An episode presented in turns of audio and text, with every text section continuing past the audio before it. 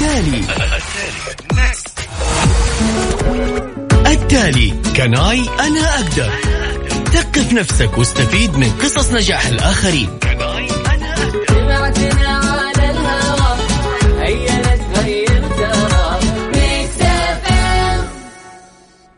السلام عليكم ورحمة الله وبركاته. بسم الله الرحمن الرحيم. والصلاة والسلام على نبينا محمد وعلى آله وصحبه أجمعين. رب اشرح لي صدري ويسر لي أمري واحلل عقدة من لساني يفقه قولي. اللهم اجعلنا من الذين هدوا إلى الطيب من القول وهدوا إلى صراط الحميد. اللهم علمنا ما ينفعنا وانفعنا بما علمتنا وزدنا يا رب علما. عسى أن يهديني ربي لأقرب من هذا رشدا. على الله توكلنا. ربنا آتنا الحكمة وفصل الخطاب. شكرا. ربنا آتنا رحمة من عندك وعلمنا من لدنك علما. إن إن شاء الله لمهتدون. يوه من زمان ما سمعت صوتي في السماعة. ليش حطينا السماعة اليوم؟ عشان مين معانا من البيت؟ السلام عليكم ورحمة الله وبركاته. المستشار القانوني المحكم الدولي خالد أبو راشد ومجموعة أبو اللي في الجروب حقنا اللي في الواتساب سيد فيصل الكاف ما شاء الله على انستغرام طب ما نقول اسم المجموعة اللي في الجروب اللي عاملينه. وتفاصيل جميلة جدا وتجربة جديدة مع أبو راشد. جالسين ناخذه من البيت. هو حطني الآن على speaker عشان المتابعين حقونه في تويتر. جالسين يشوفونا live أهلا وسهلا. متابعينا مستشارنا القانوني والمحكم الدولي المحامي خالد أبو راشد. قلت لي أعطيني إشارة عشان تقفل ال speaker وتفتح السماعة وتكون معي على الخط. جو أبو محمد. بسم الله. أهلا وسهلا بك يا طراد بالسادة المستمعين وبكل اللي يسمعونا في مكس إف إم وبيتابعونا عبر مختلف وسائل التواصل. وإن شاء الله يا رب تكون حلقة مفيدة وأكيد طبعا استجابة لتوجيهات حكومتنا الرشيدة. الله يحفظها ويوفقها في كل جهودها. بيكون النقل يعني بكون في البيت أنا الآن بحكم الحظر واللايف بأمر الله تعالى من المنزل. جميل جدا. ما هو عنوان اليوم؟ تفضل. طبعا. افراد إحنا دائما في حلقتنا بنتابع كل جديد أول بأول مع المستجدات.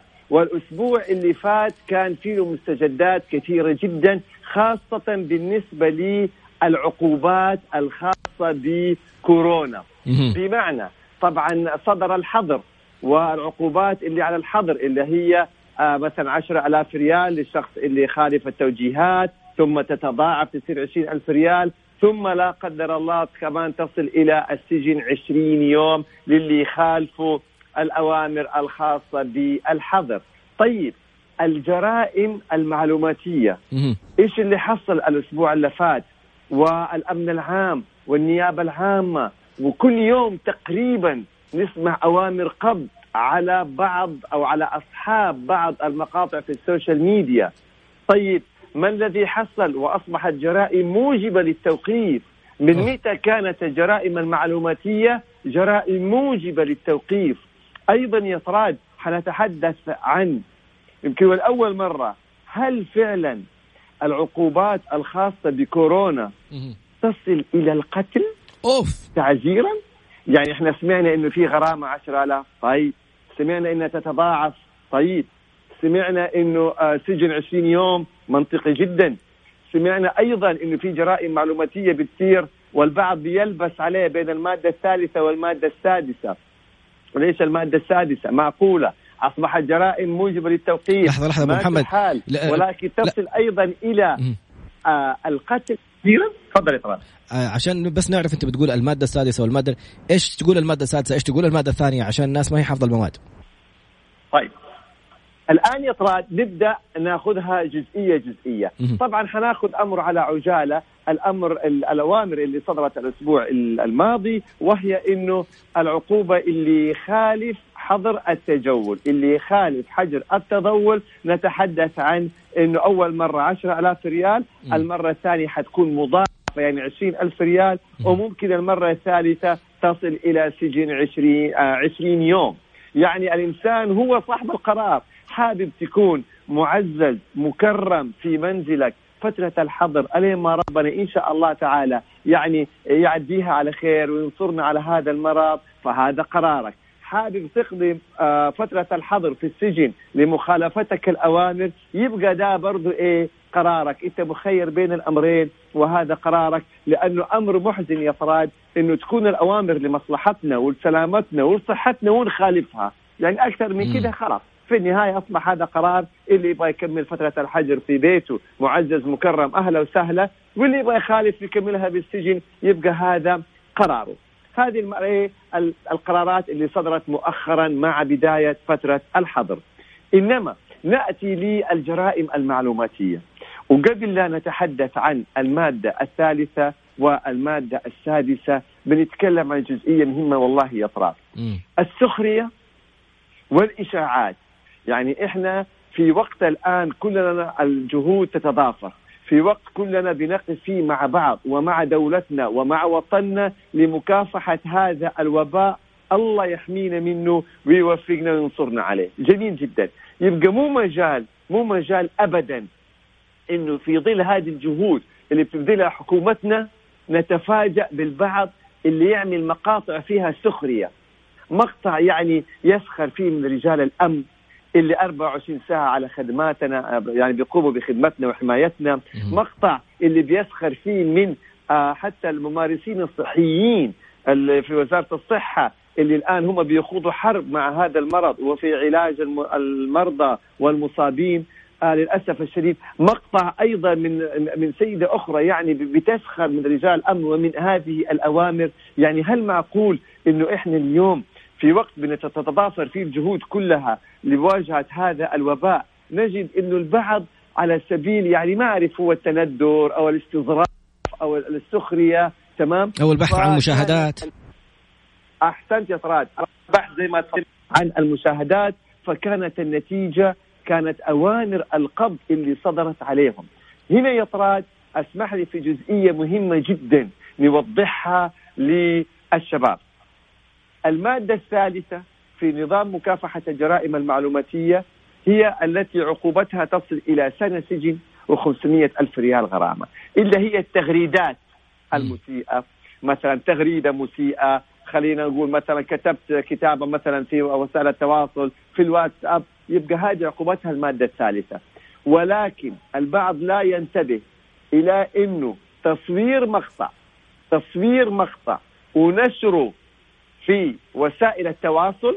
انستغرام تويتر واتساب هذا مش المادة الثالثة هذا المادة السادسة إيش يعني المادة السادسة يعني عقوبة تصل إلى خمسة سنوات سجن أوه. وغرامة تصل إلى ثلاثة مليون ريال ننتبه نفرق بين الواحد لو غرد تغريدة مسيئة سب شخص اختلف مع شخص في, في الوات مثلا في group اساء لاحد هنا العقوبة تصل إلى سنة في حد أقصى و500 ألف ريال غرامة.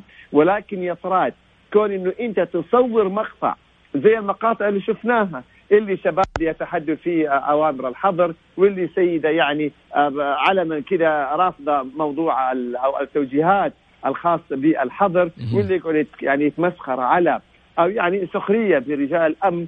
كونك أنت تصور مقطع وتنشره دخلت في الإنتاج. أنت دخلت أحسنت يا طراد دخلت في إنتاج. إنتاج يعني المادة السادسة. يعني خمسة سنوات سجن وثلاثة مليون ريال غرامة في الحد الأقصى. تتذكر يا طراد أنا وأنت عملنا مقطع وقلنا مقطع عشرة ثواني تكلفته ثلاثة مليون ريال وخمسة سنوات سجن. فلا بد إنه إحنا ننتبه تماما لهذه الجزئية. أيضا الجديد الجديد في هذا الأسبوع إنه أيضا أصبحت هذه الجرائم من الجرائم الموجبة للتوقيف يا طراد. هذا جديد. أيوه بمعنى في السابق كانت الجرائم المعلوماتية في أغلبها غير موجبة للتوقيف. أصلا إيش يعني غير موجبة للتوقيف؟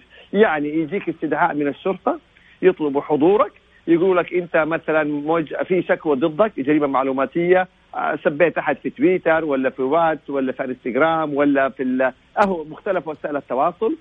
فيطلبوا منك كفيل حضوري فيأتي الكفيل الحضوري يكفلك فتطلع أنت خلاص م. بعدين تستدعيك النيابة تحقق معاك ثم ينتهي التحقيق ترجع إلى منزلك ثم تحال القضية إلى المحكمة الجزائية تحضر الجلسات وترجع بيتك إذا صدر حكم بعقوبة لا سمح الله وقتها حيتم تنفيذ العقوبة. إذا مرحلة التحقيقات ومرحلة الجلسات أنت بتكون في منزلك مجرد تحضر التحقيق وترجع أو تحضر الجلسة وترجع. هذه اللي هي إيه؟ هذا الأصل في قضايا الجرائم المعلوماتية. ولكن لما يصدر قرار من النيابة إنه وننتبه يا شباب إنه المادة السادسة من نظام مكافحة الجرائم المعلوماتية المقاطع اللي تتعلق بالسخرية من رجال الأمن أو التوجيهات الملكية الكريمة أو الأوامر الخاصة ب كورونا أصبحت جرائم موجبة للتوقيف.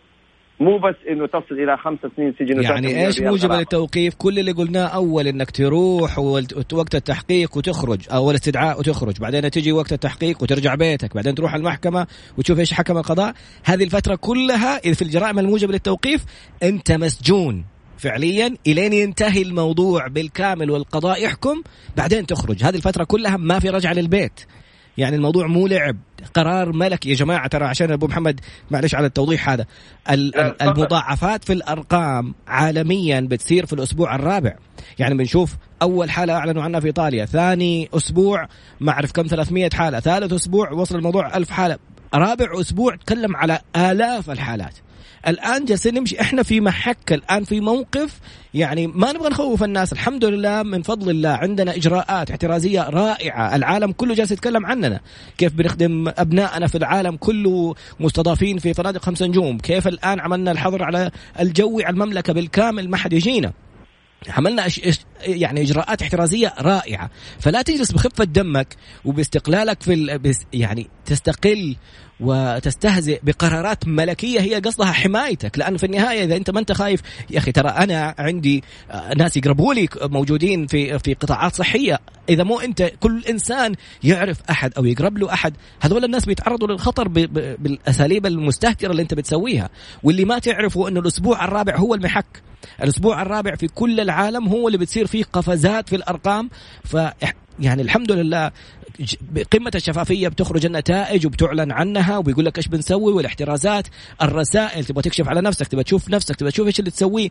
application وزارة الصحة بتتكلم الجمارك في إجراءات وزارة التجارة في إجراءات الأماكن كلها مليانة البضاعات مليانة. البضاعات بتوصل للمملكة الارفف ما يحتاج الشغل الجنون اللي بيصير موضوع اللي بنشوفه طيب. برا. فهذه النقطة ابو محمد نرجع مرة ثانية. لا توصل نفسك بفيديو تدخل على سجن ما تخرج منه الين ما يبت القضاء في أمرك عشان تصور لي مقطع ولا تشوف المشاهدات تخلي الناس يصير عندك فالورز كثير. تفضل محمد. اذا يا طراد والكل اللي بيتابعونا في مختلف وسائل التواصل الجديد هذا الأسبوع طبعا أكيد العقوبات الخاصة بمخالفة الحظر اللي قلناها 10000 ريال تتضاعف ثم تصل إلى سجن بالحد الأقصى 20 يوم أيضا إضافة الاعتبار الجرائم المعلوماتية الخاصة بكورونا جرائم موجبة للتوقيف زي ما تفضلت يا طراد. يعني ما يرجع بيته. من يوم ما يتوقف يفضل في السجن. وقت التحقيقات ثم يحال إلى المحاكمة والمحاكمة ويظل في السجن حتى يصدر حكم. ما لم يرى القضاء خلاف ذلك. ف يعني إحنا هنا لابد نفرق بين الطاقة الإيجابية مثلا الدعابة بمقاطع جميلة ما فيها مخالفات ما فيها إساءة ما فيها سخرية من أي قطاع كان يبقى ده موضوع إيه؟ إيجابي. أما إنك تسيء لجهات صحية لجهات حكومية لجهات أمنية تجاهر برفضك لتنفيذ الأوامر اللي خاصة بسلامتنا يبقى هذا مش استظراف ولا هذا والله يعني دعابة. هذا اصبحت هاي بالأصح هذه أصبحت جرائم موجبة للتوقيف. أيضا الإشاعات يا طراد الإشاعات يعني للأسف الشديد البعض يعني بيتحدث بمعلومات غالبا غير صحيحة ويعمل مقاطع عشان المقطع هذا ينتشر بشكل كبير جدا. أنت تعمل مقطع وتتكلم عن معلومات ونهايتك تكون السجن. لا يعني تقوم بعمل هذه الإشاعات. أيضا الشريك اللي ينشر الإشاعة اللي يرتب الإشاعة اللي يوزع الإشاعة. طب ما هذا شريك؟ انتبهوا يا شباب. إحنا من بلدنا مستهدف. ممكن يكون في ناس يبثوا هذه الإشاعات عشان القلق عشان الفتنة أو حتى يعني ما يعرفوا أثر هذه الإشاعة في الناس اللي هي بتكون متوترة بتكون قلقة. أيضا الإشاعات وزي ما تفضل والمعلومات الغلط ترى دي جرائم معلوماتية، لا تأخذوا المعلومات إلا من المصادر الرسمية، كل وزارة لها حساب رسمي في مختلف وسائل التواصل وكالة الأنباء السعودية قنوات الإعلام السعودية الرسمية هذه كلها مصادر رسمية. وزارة الداخلية أمارات المناطق كلها مصادر رسمية. أما إنك تتكلمني عن أرقام كورونا وإنه اليوم واحدة طاحت مش عارف مين واحد بصور لي مقطع إنه واحدة بتطيح في الشارع طبعا تم القبض عليها وعليه وإنه هي طاحت من كورونا ليش هذه الإشاعات؟ ليه الواحد لا قدر الله اليوم هو في السجن أو يأكل عقوبة سنة أو سنتين أو ثلاث سنوات سجن بسبب مقطع؟ هل هذا عقل؟ هل هذه حكمة؟ فهذه الفترة الخاصة بكورونا يعني خلينا نقول نعم انتشرت جزئية إشاعات نعم وجدنا مقاطع مسيئة كانت العقوبات لها بالمرصاد. فلننتبه وتحية.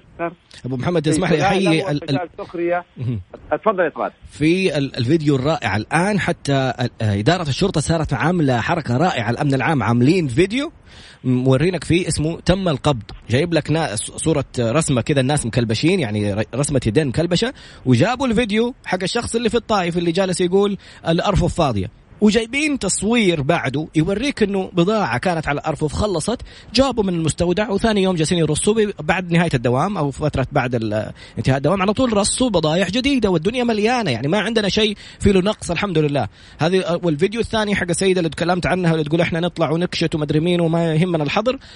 تم القبض عليها. كل الأشخاص اللي طلعوا سووا فيديوهات والشباب اللي طالعين في الشارع بيسووا نمو هامهم الحظر. كت... وراك الفيديو لكل واحد وجابوا كل واحد فيهم. تم القبض تم القبض تم القبض. فلا تصير انت بكرة اللي يطلع في التلفزيون ونشوفك تم القبض عشان تجي تبغى تقول لي والله خلصت بضاعة ولا سوت شيء. عندك خبر جيد معلومة حقيقية انشرها وعي الناس فيها. تبغى تصور لي حاجة سلبية ولا إشاعات تنشرها ولا الأشخاص أنا هنا مهمة جدا يعني النقطة اللي ذكرتها أبو محمد. كثير من الرجال كبار صغار أطفال تجيهم رسالة فيها شيء negative ولا فيها شيء سلبي على طول يعمل لها forward ينشرها للناس. ليه يا سيدي؟ ليش؟ عندك أيضا. نعم. أيضا أيضا تراث في جزئية مهمة وإحنا هذه الحلقة مهمة جدا. ان نعطيكم أول بأول الأخطاء اللي بتصير. أنتشر مقطع أو مقاطع إنه نتصل على جهات أمنية بالتليفون م. ويعني ممكن من باب السخرية أيضا والتندر. فكان في سؤال هل اللي يتصل على مثلا تليفونات جهات أمنية ويعمل شوية سخرية كده ولا تندر؟ هل هذه جريمة معلوماتية؟ إحنا الآن نتفق على الآتي. إحنا دائما نتحدث. إذا أنت سجلت على إنسان بدون ما يعلم م. إذا سجلت على إنسان بدون ما يعلم ونشرت هذا التسجيل في وسائل التواصل. اتفقنا هذا يعتبر إيش؟ جريمة. جريمة معلوماتية. فما بالك لما تتصل على جهة أمنية وتسجل المحادثة ويكون أيضا كمان فيها شوية سخرية كده ولا تندر وتنشرها. إذا هذه مو جريمة معلوماتية مم. إيش اللي حتكون الجريمة المعلوماتية؟ يعني بس أعطيهم معلومة جديدة محمد إضافية. ترى أنا لما أتصل أبلغ أقول أنا على طول يقول لي طراد يعني رقمك واسمك وموقعك مسجل فيا جماعة ما انت ماني ماني فاهم إيش تبغى بالضبط؟ تبغى تنسجن بسرعة ولا طفشان في البيت تبغى تروح تقضيها باقي عمرك في السجن ولا تتسجل على؟ والله أمر مؤلم أمر مؤلم إنه الحمد لله كلنا في بيوتنا معززين مكرمين بنقضي هذه الفترة الله يسلمنا والبعض الآن فين؟ في السجن. ليه؟ يعني سرق ضرب آه، أجرم لا عمل مقطع. أستظرف. شوفوا حجم الألم كيف. أن يعني تشوفوا حجم ألم عوائلهم. العوائل اليوم كلها إن شاء الله هانئة آمنة في بيوتها مطمئنة مع أولادها وبناتها. وهنالك عوائل أبنائهم وبناتهم في السجن بسبب مقاطع. خلونا ننتبه. يعني مو كل الأمور سخرية مو كل الأمور تندر. في أمور جادة. الفترة اللي إحنا فيها هذه فترة إن شاء الله تعالى ربنا ينصرنا فيها لكن نتكاتف فيها ونبعد عن أمور كثيرة يا شباب اللي بتحصل من أخطاء أخطاء تعتبر جرائم وجرائم موجبة للتوقيف. يبقى أيضا في محور يا طلال قبل ما ناخذ أسئلة الناس أكيد حتقول لي إعلانات وهو هل العقوبات الخاصة بكورونا تصل إلى حد القتل؟ يعني إحنا سمعنا إنه في 10000 وسمعنا إنه في سجن. وعرفنا إنه في جرائم معلوماتية فيها سجن فيها غرامة لكن هل تصل إلى حد القتل؟ فهذه إن شاء الله تعالى حتكون أكيد إعلانات يا طراد ولا؟ طبعا ما شاء الله. حافظ الأوقات خلاص صاير أنت أبو محمد. ما خلاص أنا يعني منك في الفقرة القادمة إن شاء الله. بس قبل ما نوصل للفقرة القادمة وقبل ما نسأل الموضوع هذا هل يوصل للقتل أو لا الأستاذة أمة الله بحادق سألت سؤال جدا رائع. بتقول توصلها صور لمناسبات وتجمعات على ال direct بتوصلها على على سناب شات. هل ممكن تبلغ بس باسم ال user تبلغ للناس؟ يا جماعة ترى الموضوع مو ما قالوا حظر تجول عشان نروح نتجمع في بيوت ونزور بعض. يعني طلعت الأستاذة تغريد الطاسان بتقول إنه واحدة زارت والدتها. واحدة كانت جاية من سفر وما التزمت بالحجر وراحت زارت والدتها عدت الوالدة وعدت الإعلامية نفسها وعدت بناتها وعدت واحدة ثانية أرسلت الشغالة حقتها والعاملة عندها المنزلية أرسلتها لبيت الجيران جلست مع الشغالة الثانية اللي كانت في إجازة ومختلطة بناس مسافرين رجعت العاملة المنزلية على البيت عدت صاحبة البيت وعدت ليش ما ترى إحنا كل خميس كنت أنا وخالد أبو راشد وفيصل الكاف وطلال أخوي بنتجمع ونتغدى. اليوم اسال محمد فيني؟ قال لي نلتزم إحنا الآن عشاننا. ما تعرف انت قابلت مين إنت إيش سويت؟ احفظ نفسك يا أخي أنا جاي على الاستوديو ما في مخلوق. يخرجوا بين بين الأخبار بين كل شخص وشخص بيتمسح المايك وحريصين إنه أول ما ندخل أول ما نخرج نغسل ايدينا يعني الموضوع ما هو لعب العدوى سريعة الانتقال. فما نبغى نوصل قد ما تقدر التزم بالحظر وجات الرسائل من جهات أمنية. بيقول لك الحظر في المساء صحيح لكن أنت طوال اليوم لا تخرج إلا للضرورة. عشان هذا الأسبوع الرابع هو المحك. إن شاء الله أننا نطلع نحقق إنجاز عالمي نوري الناس كلهم جالسين يتكلموا عننا عن أسلوبنا عن عن التزامنا عن أكثر المدن التزاما في العالم. هي المدن السعودية. خلينا نوريهم بالنتائج بعدين. لا نجلس نكسر الحظر هذا ونفكر نفسنا إنه والله إحنا لا هذا ما في له شيء وأنا أعرف هذا وأعرف هذا وأعرف. ما تعرف فين كان؟ إيش صار؟ جلس مع مين الفقرة القادمة بإذن الله نشوف هل الموضوع هذا الموضوع الانتقال أو هو المخالفات المرتبطة بكورونا هل من الممكن أن تصل إلى حد القتل تعزيرا؟ بعد قليل مع المستشار القانوني المحكم الدولي المحامي خالد أبو راشد. عن الغطاء اللي كان على المايك حق الإذاعة. الغطاء إذا أكثر من شخص جاء على نفس المايك بيعتبر خطر. إحنا بنخلي الغطاء عشان ما ينقل العدوى. فالآن صار الطريقة الأفضل أنه يرش على المايك من الخارج بطريقة شباب ما شاء الله حقون ال IT بين كل برنامج وبرنامج بيسووها. عودة مرة أخرى ونقاط مهمة جدا على موضوع آه، كورونا والانتقال الفيروسي اللي بيحصل. في معلومة قبل ما ندخل الاستاذ خالد أبو راشد على الهواء في نقطة فيديو رائع نشرته جهات مختلفة. بيقول لك يسموهم ألف وباء وجيم أو A B C. الشخص اللي ممكن جاي من سفر وعنده الفيروس هذا يسموه ألف اللي هو جاي من السفر الآن حامل الفيروس ممكن يجلس عشر أيام ما يبان عليه ولا شيء ما يعطس ولا يكح ولا يصير له حاجة. النقطة الثانية أنه هو الباء الفئة باء هم الناس اللي يختلطوا فيه مباشرة.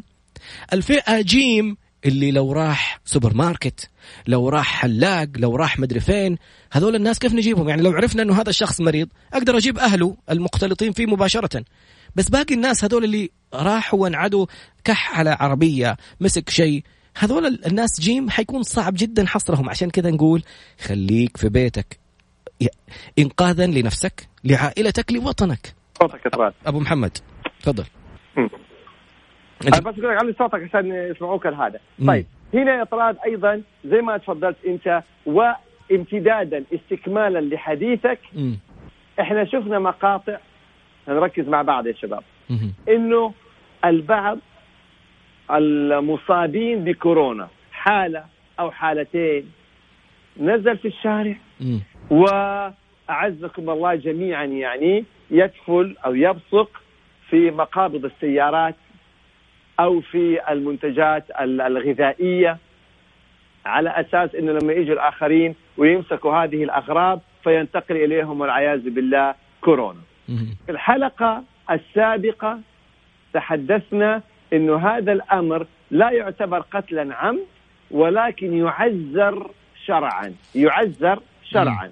والعقوبة التعزيرية في الشريعة الإسلامية تبدأ من مثلا التوبيخ المجلس الشرعي وتصل إلى حد القتل تعزيرا على على حسب ما يقدره إيه القضاء. تم القبض مؤخرا على شخص في منطقه ما قام بهذا الفعل يعلم إنه هو عنده كورونا وقام ب يعني البصق عزكم الله من هالقبيل على في مناطق معينة عشان ينقل هذه العدوى إلى الآخرين. هل نعلم انه العقوبات طالما نتحدث تعزير شرعا. أنها نعم تصل إلى التعزير شرعا قتلا أو حرابة. القتل حرابة أو تعزيرا. إيش حرابة؟ هكذا في النيابة العامة وفي الفتوى من الشيخ الدكتور عبد الله المنيع انه العقوبة للذي يعلم أنه مصاب بالكورونا ويخالط الآخرين دون أن يخبرهم عشان يعديهم أو يقوم ب عزكم الله بالبصق أو التفل يعني على أساس ينقل هذا المرض تصل العقوبة إلى القتل تعزيرا أو حرابة. إيش حرابة؟ هذا الأمر ما فيه لعب. أبو محمد اسمعني أنت إيش بتعمل والعياذ بالله؟ أنت يعني تبغى تقتل الناس؟ مم. طب انت ممكن تقتلهم بسلاح، ممكن تقتلهم بهذا المرض. مم. فهذا أمر يعني أنا ما أعرف هذول الناس هذول مرضى إيش موضوعهم؟ على كل حال إيش ما يكون موضوعه؟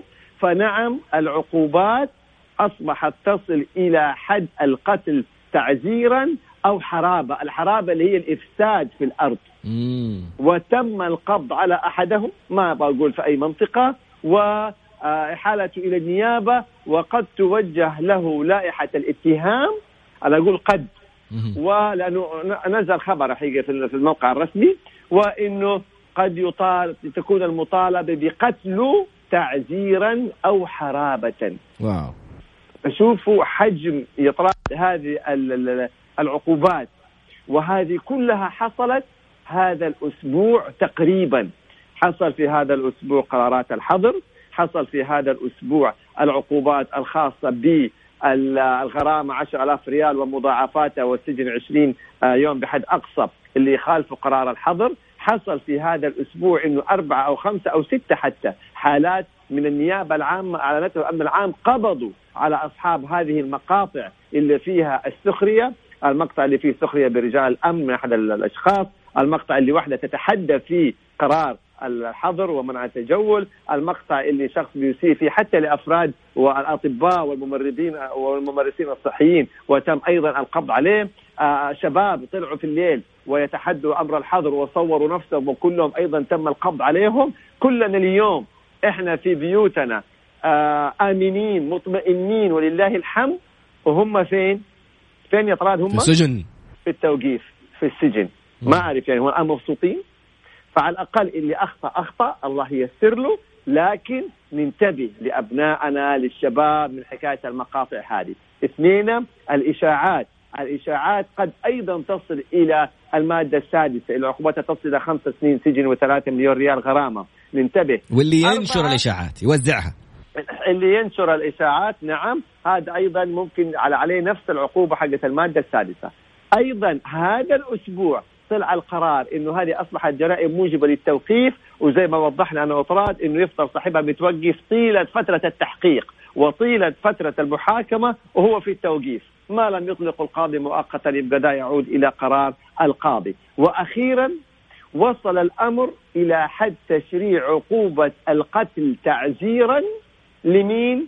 للي آه ينشر هذا المرض عامدا متعمدا سواء من خلال مخالطته للآخرين أو من خلال أعزكم الله جميعا البصق أو يعني إطلاق اللعاب الخاص فيه يعني في المناطق العامة عشان الناس تمرض. وصلت العقوبات من غرامة عشرة ألاف ريال إلى القتل تعزيرا. هذه عقوبات هذا الأسبوع.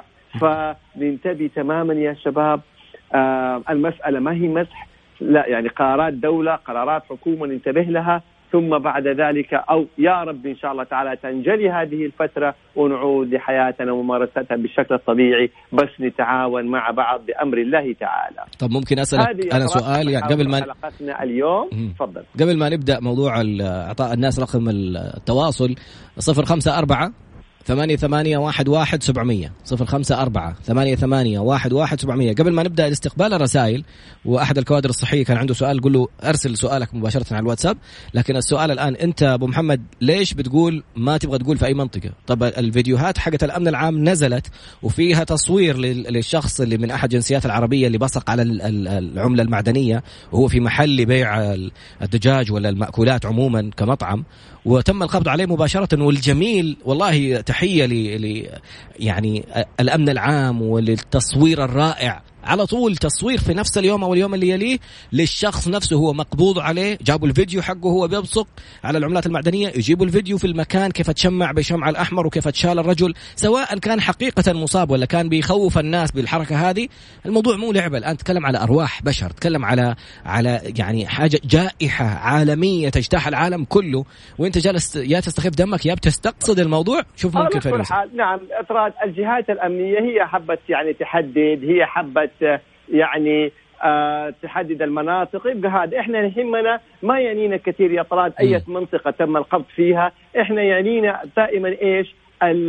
المعلومة نفسها أو الفائدة نفسها جميل. التثقيف بصفة عامة. مم. قد يطلع مدان قد يطلع بريء قد يصدر عليه حكم. كشخص هو يعني الله يستر عليه. لكن اتحدث ك كمعلومات عامة كتثقيف عام. هذه الفكرة كلها هي طلعت جميل. بعد قليل نتابع ونفتح مجال الأسئلة على آه واتساب البرنامج 054 88 11700 054 88 11700 أو على تويتر خالد أبو راشد ممكن ياخذ الأسئلة من متابعينه.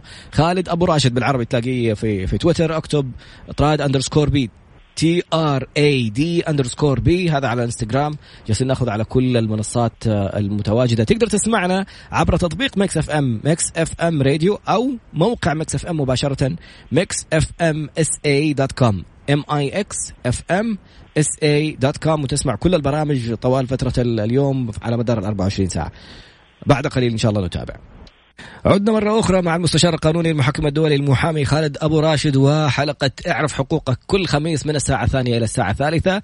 ضمن برنامج أنا أقدر اللي يجي من الاثنين إلى الخميس. الاثنين دورات تدريبية ثلاثاء كتاب الأربعاء قصص نجاح. واليوم مع المستشار القانوني نبدأ بسؤالي طبعا أبو محمد عشان أنت لساك في البيت جالس وأنا في الاستوديو. فهذا يعطيني صلاحية.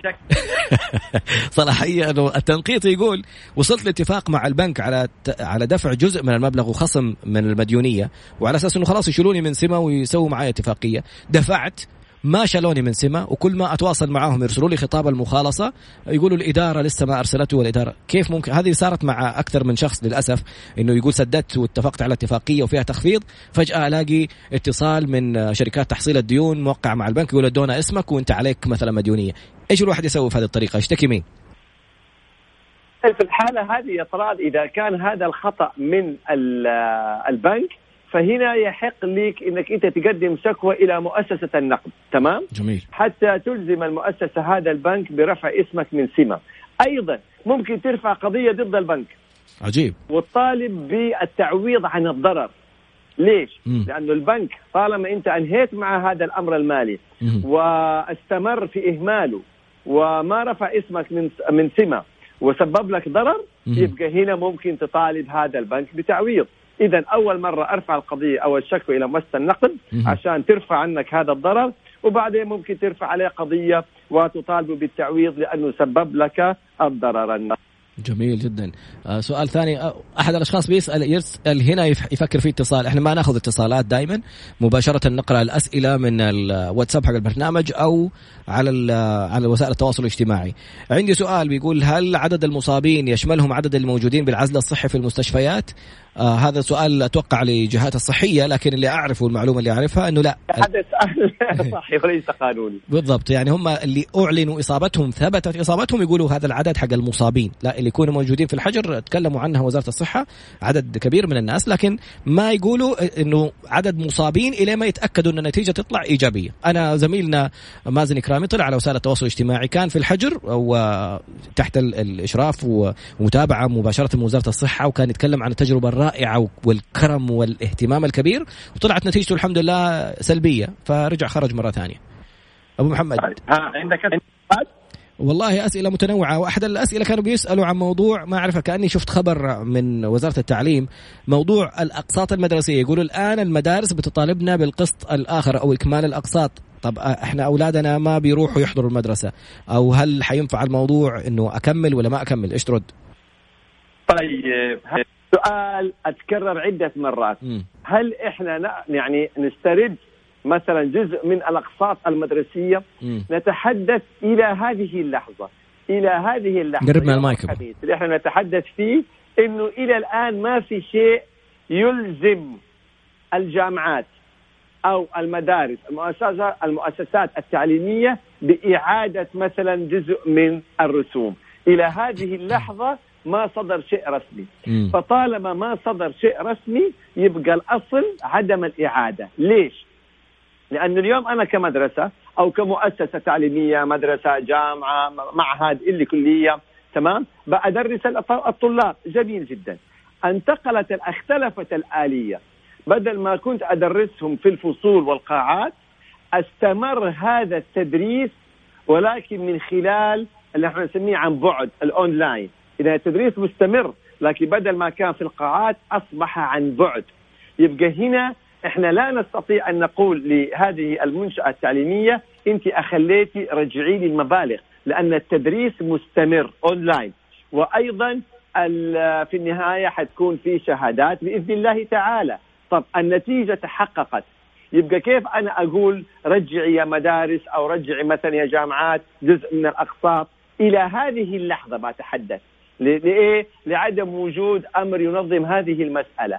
إذا اليوم بكرة في أي وقت كان صدر من وزارة التعليم تنظيم معين بإعادة جزء بإعادة نسبة معينة يبقى هنا حيكون صدر هذا إيه القرار طالما لا يوجد قرار يبقى الأصل عدم الإعادة أو عدم الاسترجاع لأنه عملية التعليم لا زالت مستمرة وحيكون فيها شهادات أكرر ما لم يصدر شيء من وزارة التعليم.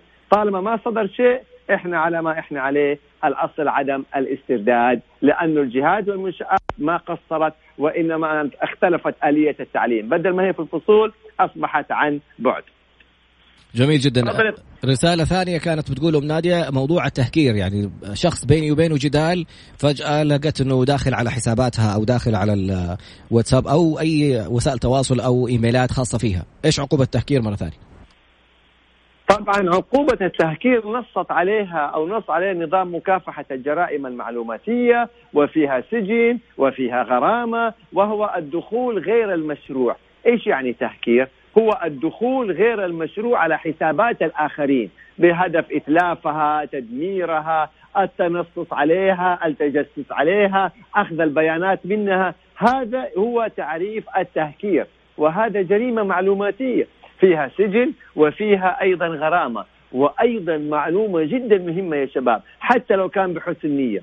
والله هذا حسابه سيء فأنا دخلت أتلفت له هذا الحساب بأي حق. تدخل على حسابات الآخرين وتتلف حساباتهم. حتى لو كان الحساب سيء بلغ بلغ كلنا أمن بلغ الجهات الأمنية الدولة هي التي تعاقب. الدولة هي التي تحاسب. أنت مش دولة. عشان تدخل على حسابات الآخرين وتتلفها و... أو تتنصت عليها أو تسحب بياناتها. إذا هذا أصبح أو أصبحت جريمة معلوماتية فيها سجن وفيها غرامة وسبق أنه في مشاهير المهكرين تم إيقافهم وأيضا هنالك مشاهير من المهكرين يعني الحمد لله عز وجل ربنا هداهم وأصبحوا يستغلوا معرفتهم الشديدة والممتازة في التقنية في الخير وفي دعم الوطن وليس في اتلاف حسابات الآخرين. طب أبو محمد يعني السؤال الآن لو إنه أنا هاكر وأعرف عندي القدرات هذه. وشايف أحد مثلا بيبتز واحدة ولا بيسوي شيء ولا يبغى ينشر صور ناس ما أدخل أنا أشيل الصور هذه ولا أمنعه ولا أتلف المواضيع اللي الخاصة عنده؟ سؤال رائع يا طراد. سؤال رائع. هل النظام إحنا نرجع لنظام مكافحة الجرائم المعلوماتية. هل النظام عرف التهكير الذي يعتبر جريمة يعاقب عليها النظام وهو الدخول غير المشروع بهدف إتلاف الحسابات أو سحب المعلومات أو كذا وكذا. هل أستثنى حسن النية؟ هل أستثنى؟ قال والله نعم. يعني هذه جريمة معلوماتية لكن طالما أنه هو بيساعد وحده في الابتزاز يبقى هو معفي من العقوبة. نص النظام واضح وشريع واضح وصريح وهو الدخول غير المشروع. بس طالما انت دخلت بشكل غير مشروع بدون موافقة أصحاب الحسابات مجرد دخولك هذا جريمة معلوماتية. تبغى أنت فعل خير فعل شر أنت ارتكبت جريمة معلوماتية. تبغى تساعدها في جهات أمنية تنسق معاهم ربما تأخذ موافقة. الجهات الأمنية هي لديها من التقنية يعني ما شاء الله تدخل وتعمل كل شيء. لا تورط نفسك. حسن النية قد يخفف عقوبة ولكن قد لا يعني إيه يعفي منها بأمر الله تعالى. يعني كان نفسي أعلق على التكليجه اللي صارت بس يعني ما فكت المايك والاتصال حماك. المهم أبو محمد سؤال ثاني جميل جدا. واحدة تقول أخويا أخذ سيارة باسمي وما سدد أقساطها. البنك سحبها وباعها بالمزاد والآن أنا مطالبة بقيمة السيارة بالكامل لأني موقعة بس, بس نطلع فاصل يا طراد نطلع فاصل لأنه قطع الاتصال آه طيب ممتاز. أيوه نطلع فاصل إعلانات ونرجع ثاني. على وقت الإعلان أصلا ما شاء الله بالإحساس قلب الأم بعد قليل. ممتاز ممتاز. بعد قليل نعود للأسئلة. ومرة ثانية تذكير بأرقام التواصل 054 88 11700 054 88 11700 بعد قليل نتابع إن شاء الله. لا سليم سليم ما فيش حاجة. الناس صارت تتنحنح تخاف تكح ولا تسوي شيء.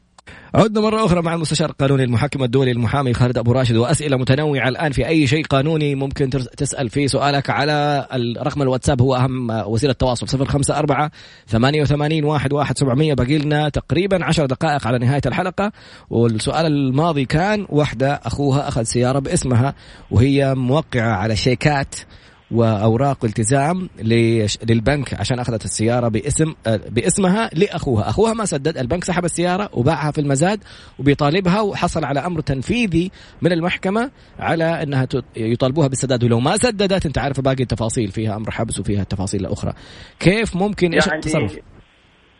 نعم يعني للأسف هذا أمر جدا محزن وهو إنه إنسان يعني هو اللي يوقع على الكمبيالات وهو اللي يوقع على الشيكات مثلا ويطلع السياره باسمه ويسلمها لأخوه.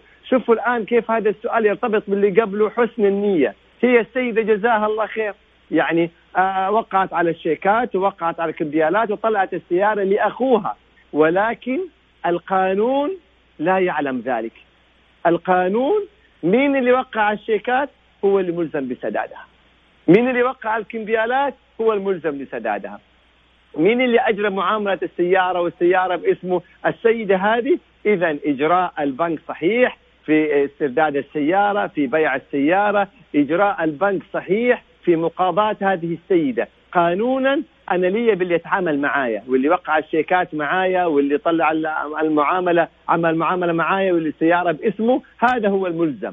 كون أن هذه السيدة أعطت السيارة لأخوها يبقى هنا الله يعينها هي ترفع قضية على أخوها وتطالب بالمبالغ اللي دفعتها هذه السيدة لأنه في الأصل هو اللي استفاد من السيارة والسيارة كانت في حوزته. وعليها أن تثبت انه السيارة في حوزته وعليها أن تثبت إنه يعني هي طلعت السيارة عشان إنه هو المالك الحقيقي وهي باسمها صوري شوفوا كيف دخلنا في تفاصيل كثيرة جدا.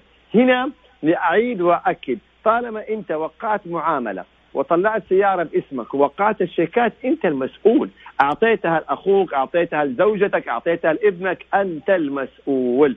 أنت اللي حتسدد وأنت ترجع ذيك الساعة إذا حبيت تقاضي هذا الشخص بأنه يرجع لك المبالغ أو من هذا القبيل. يعني عاد الله المستعان. هنا البعض يقول يمكن وقعت بالإكراه. إكراه إيه؟ أنتوا عارفين إيش يعني إكراه؟ أو تهديد. لما يجيبوا شخص مثلا ويحطوا سلاح على راسه مجبور يهددوه مثلا إنه حيضروا أحد من من عيلته لو ما وقع هذا الإكراه. أما واحدة رايحة بنك موقعة ولا رايحة معرض سيارات شركة سيارات وموقعة ومسوية المعاملة ومستلمة السيارة وتقول لي بالإكراه هذا غير مقبول نهائيا. الإكراه نطاقه ضيق إنه يكون مهدد بسلاح مهدد في أحد من عائلته. هذا لا يعتبر إكراه على الإطلاق. البعض يقول هل في عقوبة على الأخت؟ لا طبعا. ولكن الأخت حتدفع المبالغ. حتدفع المبالغ. ولو ما دفعت المبالغ حيحكم عليها بالسجن حتى تدفع هذه المبالغ. أس... وهي تعود على أخوها ترفع عليه قضية. عاد تطالب هي بالمبالغ والله المستعان. بنقول مرة ثانية على موضوع الأخت هذا إيش ممكن يصير معها هي بتسأل إيش العقوبات اللي ممكن تتعرض لها. محكمة التنفيذ الآن جاتك رسالة من التنفيذ. أفضل طريقة لا تتواصلي مع البنك. روحي للمحكمة. إذا قدرتي تدبري 20% فقط من مبلغ السيارة تدفعيه للمحكمة مباشرة. هم يحطوها في حساب الشركة أو البنك وتقدري أنت تتواصلي مع مع محكمة التنفيذ وتطلبي منهم فرصة للسداد. إذا كان مبلغك تحت المليون إن شاء الله ما يكون فيها سجن بس عدم وصولك أو تواصلك مع المحكمة وما المماطلة أو هذا تعتبر مماطلة. يعني الآن حيعتبروها مماطلة ويبدأ الإجراء. ممكن يصير في حكم بالسجن أمر قبض وحكم بالسجن حتى لو كان مبلغ أقل من مليون. هم يبغوا يشوفوا اللي أقل من مليون يكون عندهم نية السداد وتثبت بأنك تدفعي 20% من المبلغ وتطلبي مهله للسداد. مهلة السداد يقدرها القاضي. ممكن تكون ستة شهور ممكن تكون سنة ممكن تكون سنتين على حسب حالتك حسب دخلك. لما تروحي تتواصلي. وهذه أهم نقطة رجاء. شوفي الموضوع مع المحكمة وتواصلي الآن. تفضل. نعم. طراد البعض يقول طراد صار أبو راشد. الشباب ما شاء الله تبارك الله يا رب إن شاء الله. أنا وطراد في هذا البرنامج هذه السنة الثامنة. هذه السنة الثامنة Mix FM مشكورة. سخرت هذا البرنامج للتوعيه فالرجل. يعني أنا وطراد ثمانية سنين ويسمع استشارات قانونية. هذا يخلص فيها جامعة. وماجستير ودكتوراه. تستاهل يا طراد الحقيقة تستاهل حبيبي محمد تلاميذك لا الفترة الماضية يعني كان في مبادرة من أحد آه، سيدات الأعمال دفعت ال 20% لأحد الأشخاص. والآن في الوضع اللي فيه أقل يسموها الإمكانيات ولا ما أعرف آه، العدد الأدنى الحد الأدنى من الموظفين. وما شاء الله دائرة التنفيذ الثانية كانوا رائعين فريق عمل رائع. طيب. بالإيميلات تواصلوا وأطلق الرجل أمس من فضل الله. فالموضوع يعني رائع. أبو محمد آه، أسئلة متنوعة كثير. الجميل بيعلقوا بيقولوا إنه في اللي بيتابعونا من ثمانية سنين من بداية أول حلقة. الله. يعني شهادة يعني ما أعرف إيش أقول نفخر ونسعد بها الله يوفقكم ويحفظكم وإن شاء الله نستمر مع بعض سنوات وسنوات يا رب. بإذن الله. أبو محمد سؤال سؤالين سريعين كذا. الأول يقول أشتريت تذكرة من أحد شركات الطيران ولما صار منع السفر قلت لهم ردوا لي فلوسي. قالوا لا عندك السنة كاملة تقدر تسافر فيها الآن ما في استرداد أموال. هل هذا من حقهم أم لا؟ طبعا هنا يتراجع على حسب العقد اللي بين الطرفين. يعني عرفت كيف؟ فما نستطيع خاصة في هذه الظروف هذه يبغى لها نتأكد من شركات الطيران هل هم ملزمين بإعادة قيمة التذاكر؟ هل هم ملزمين؟ يمكن زي ما قالوا لا سنة كاملة تقدر تعوضها في أي وقت من السنة. هذه عاد لسه تعرف موضوع كورونا يا طراد جديد. ما له أيام أسبوعين ثلاثة أسابيع أيام. فيحتاج العديد من التشريعات فهذه يحتاج نرجع لها يمكن في حلقات قادمة تكون الصورة وضحت أكثر فيما يتعلق بتذاكر الطيران. جميل. في سؤال متكرر من قطاعات مختلفة. بيقول لك الشركة بتطلب مننا توقيع على أنهم حيخصموا مننا 50% أو حنشتغل بدون مقابل أو أو الشهر هذا من بدايته. طب هم في ناس اشتغلوا خلال أسبوعين يقول لهم لا بداية مارس إلى نهايته هذا ما حيكون في راتب. فإيش الآلية طيب. في الموضوع؟ تفضل. أعطيني كده عشان آه، آه، بشكل آه، سريع. شوفوا يا شباب جزئية الإجازات. أتحدثنا عنها الحلقة السابقة وحتحدث عنها بشكل سريع جدا. نظام العمل حدد آلية الإجازات. باختصار شديد نظام العمل ما أعطى الحق لصاحب العمل أن يجبر العامل على إجازة بدون مرتب. ما أعطى الحق لصاحب العمل أن يجبر العامل على إجازة 50% أعطى الحق لصاحب العمل أن ينظم الإجازات. أن يأتي صاحب العمل للعامل ويقول له والله خلال هذه السنة خلص إجازة خلص إجازاتك. يبقى هذا هو النظام تمام؟ حصلت اليوم ظرف قاهر قوة قاهرة عاد نسميها ما نسميها. في أنشطة أتوقفت وربما أنشطة أغلقت. وبالتالي أصبح هنالك وتوقفت هذه الأنشطة لفترة يمكن لسه غير محدودة يعني إلى إشعار آخر تمام؟ فهنا البعض صار يعطي رواتب بإجازة برواتب وجزاه الله ألف خير. والله يعوض أضعاف أضعاف يا رب. البعض يقول طب أنا نشاطي أتوقف ولا أستطيع أني أنا آه، أعطي رواتب فأنا حأضطر أخليها 50% أو أخليها بدون راتب. هذه الجزئية اجتهاد. الأصل إنها مخالفة للنظام. فحيعود تقديرها للقضاء العمالي في الجزئية هذه. هل القضاء العمالي حيقول والله نعم هذا ظرف طارئ أو قوه قاهرة فيقبل بهذا الإجراء؟ أو الجزاء القضاء العمالي يقول لا هذه مخالفة للنظام وبالتالي لا يمكن أن يعني يقبل بهذا الإجراء.